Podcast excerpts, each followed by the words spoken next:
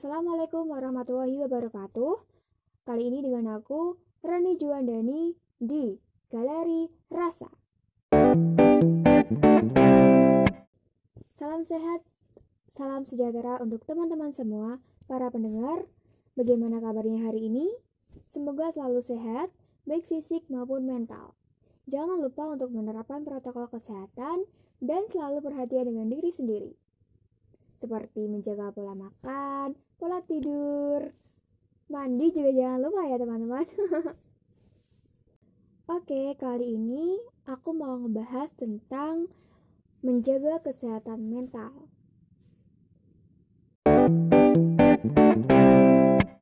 Pasti nih, kesehatan mental atau mental health udah gak asing lagi ya. Kalian dengan istilah tersebut Kesehatan mental itu adalah kondisi kesejahteraan yang disadari oleh seorang individu. Di dalamnya juga terdapat kemampuan-kemampuan nih untuk mengelola berbagai macam emosi yang wajar. Intinya, kesehatan mental adalah suatu keadaan sehat mental yang kalian rasakan. Jiwa kalian damai dan terasa lepas dari suatu belenggu yang mencekik. Lalu, apa aja ya yang dapat kita lakukan untuk menjaga kesehatan mental kita? Pada dasarnya, diri kita sendirilah yang bisa menangani dan menjaga kesehatan mental kita. Keluarga, teman, lingkungan, sosial, dan masyarakat memang merupakan faktor yang sangat berpengaruh terhadap kesehatan mental kita. Tetapi, yang mampu mengendalikan diri kita dari pengaruh yang diberikan oleh faktor-faktor tersebut adalah diri kita sendiri, iya enggak? Hanya diri kita yang mampu membuat kita mau jadi apa dan seperti apa ke depannya.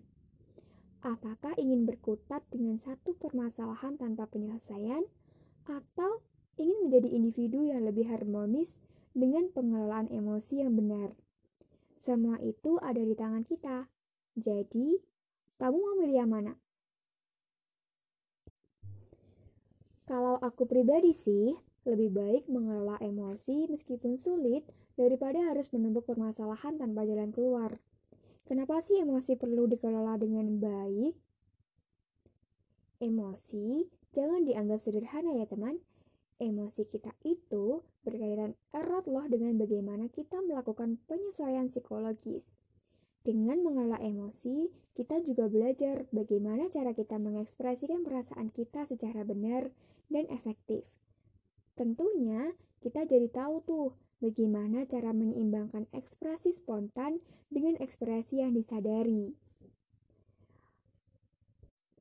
Pengelolaan emosi ini seperti bagaimana kita mampu memahami emosi, mengelola marah, berani menerima kritik, percaya diri dan selalu optimis, mampu beradaptasi dengan berbagai kondisi, mampu mengendalikan diri, dan sebagainya. Selain mengenali dan mengelola emosi diri, kita juga perlu loh untuk mengenali emosi orang lain. Mengenali ya, enggak mengendalikan, karena emosi orang lain tidak bisa kita kendalikan. Mengenali ini dapat kita gunakan sebagai refleksi.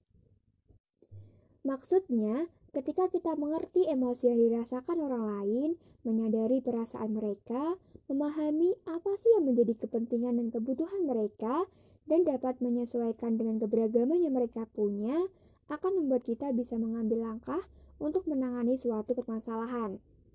Dalam artian sempitnya, kita jadi tidak gegabah dalam melakukan suatu tindakan, apa pun itu. Sebagai contohnya, Pernah gak sih kalian jadi bahan perbandingan? Bagaimana rasanya? Enggak enak banget kan ya? Apalagi kalau pelaku pembanding tersebut adalah orang tua kita sendiri misalnya. Bagaimana? Aku rasa kita semua pasti pernah ada di posisi tersebut.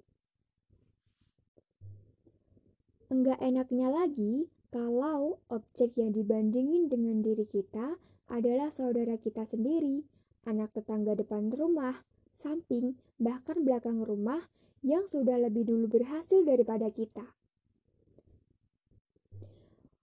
Ucapan-ucapan pembanding seperti ini misalnya. Lihat tuh, anaknya Bu Siti udah bisa beli rumah di umurnya yang segini. Seumuran kan sama kamu? Habis lulus, udah dapat kerja aja dia. Hebat, gak kayak kamu. Jangan rebahan doang dong, cari kerja atau kegiatan apa gitu. Nggak malu kamu sama si itu yang udah sukses punya mobil dan bla bla bla bla. Masih banyak lagi sebenarnya ucapan-ucapan banding seperti itu yang bukannya membuat kita terpacu agar sama seperti mereka, malah membuat kita jadi enggak nyaman. Dan akhirnya jadi beban pikiran. Bagaimana kamu merespon ucapan-ucapan tersebut? Apakah langsung marah, tidak terima, atau langsung terdiam dengan berbagai umpatan-umpatan yang kamu layangkan untuk diri sendiri karena tidak seberhasil mereka? Inilah pentingnya pengelolaan emosi. Bagaimana cara yang benar untuk merespon ucapan-ucapan yang tidak mengenakan seperti contoh di atas. Untuk menangani permasalahan tersebut, cara sederhana yang biasa aku lakuin yaitu dengan berbagi perasaan, mengekspresikan secara terbuka apa yang aku rasain. Nggak ada salahnya kok jika kita membicarakan apa yang membuat perasaan dan pikiran kita terbebani. Kita bisa memberi pengertian kepada orang tua kita bahwa kita nggak nyaman dibandingin seperti itu. Coba ya komunikasiin pelan-pelan dengan orang tua, seenggaknya mereka akan mengerti apa yang kita rasain. Setelah berkomunikasi seperti itu, dijamin perasaan lega akan datang begitu saja. Nggak ada lagi rasa cemas dan gelisah. Perasaan akan plong dan pikiran jadi lebih ringan. Oh iya, ada bonusnya juga loh. Dengan komunikasi kepada orang tua, mereka jadi tahu dan enggak ngebandingin kita dengan orang lain lagi. Menurutku, model memahami emosi diri, mengendalikannya, lalu mengomunikasikan dengan baik akan menyelesaikan permasalahan. Kita nggak perlu membuang tenaga dengan marah-marah tidak jelas untuk hal yang mengganggu, atau Memendamnya sendiri yang lambat laun akan jadi bumerang untuk diri sendiri. Siapa yang susah? Kita sendiri.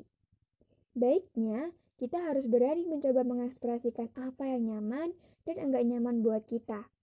Apa yang janggal dan apa yang membuat kita marah kepada orang yang bersangkutan. Jangan terbiasa meluap-luap atau memendam ya. Itu nggak baik buat mental kita. Nah, sekarang kita jadi tahu kan cara sederhana bagaimana menjaga kesehatan mental. Ya, kita mesti tahu nih bagaimana cara mengelola emosi diri kita, memahami emosi orang lain, dan berani mengekspresikan secara terbuka apa yang kita rasakan. Kita memiliki hak yang sama untuk berpendapat. Jadi, jangan ragu untuk memulai ya. Semuanya akan terasa lebih ringan dengan penanganan yang baik. Tersinggung itu wajar kok. Artinya, kita memiliki perasaan. Tapi, jangan sedikit-sedikit marah ya. Komunikasiin dulu agar permasalahan yang kamu hadapi cepat berakhir. Oke, itu tadi penjelasan dari aku. Sekarang waktunya sesi untuk rekomendasi buku. Ada tiga buku yang aku rekomendasiin buat kalian untuk tetap menjaga kewarasan ini. Oke, buku yang pertama ada Filosofi Teras, penulis Henry Manampiring. Filsafat Yunani Romawi kuno untuk mental tangguh masa kini.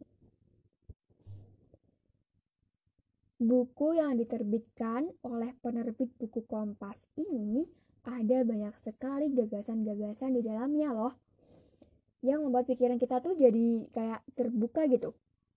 Salah satu yang dibahas di dalamnya itu ada yang namanya prinsip dikotomi kendali. Nah, prinsip ini tuh membahas kayak ada hal-hal di dunia ini yang dapat kita kendalikan dan tidak dapat kita kendalikan. Yang tidak dapat kita kendalikan itu misalnya kayak pendapat orang lain, terus tindakan mereka, kondisi saat kita lahir, kesehatan, dan lain-lain. Terus apa sih yang bisa kita kendalikan? Ya diri kita sendiri tentunya. Yaitu keinginan kita, tujuan kita, persepsi kita, terus yaitu tindakan kita sendiri yang bisa kita kendalikan.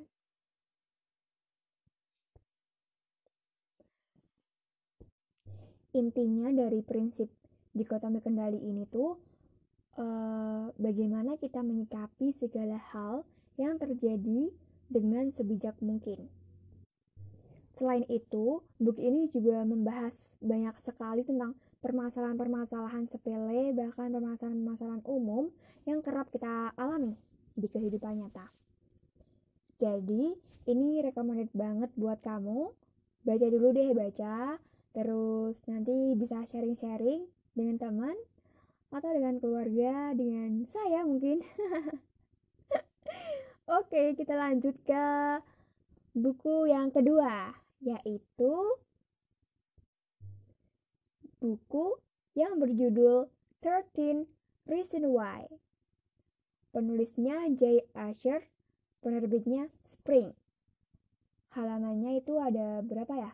320 lebih lebih berapa? Lebih dikit kayaknya halaman.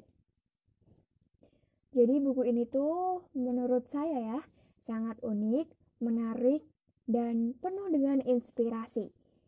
Uniknya karena buku ini tuh berisi alasan-alasan seseorang yang bernama Hannah Baker meninggal dunia. Hannah mengirimkan paket yang berisi tumpukan kaset kepada temannya. Temannya ini namanya Clay Jensen.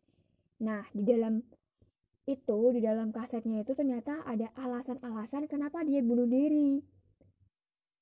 Nah, jadi dari eh, alasan-alasan itulah dibuat buku oleh Clay Jensen. Baca deh buku ini akan membuat perasaan kalian campur aduk pokoknya. Ada kutipan di dalamnya seperti ini. Segala sesuatu mempengaruhi segalanya. Nah, kutipan tersebut saya rasa sangat berhubungan dengan tindakan dan ucapan kita yang bisa jadi berdampak pada orang lain. Maka dari itu, sebisa mungkin kita harus bisa mengendalikan apa yang ingin kita lakukan dan apa yang ingin kita katakan. Dari buku ini juga kita diajak peka terhadap sekitar kita.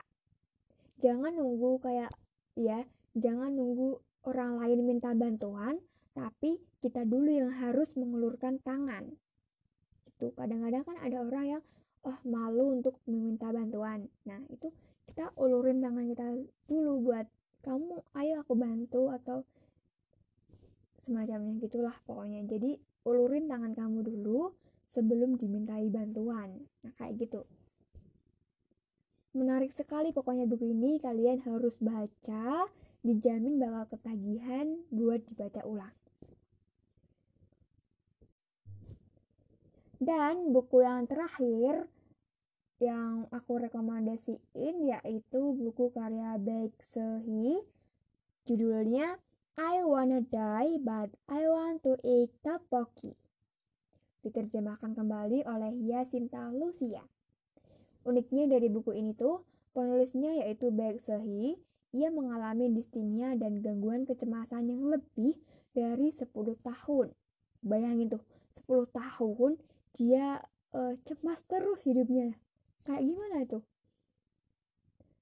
tapi dia juga suka banget makan tteokbokki nah distimia ini adalah suasana hati yang rendah jadi dia kayak kehilangan semangat hidup gitu. Putus asa rendah diri konsentrasi buruk dan sebagainya. Ada salah satu kutipannya.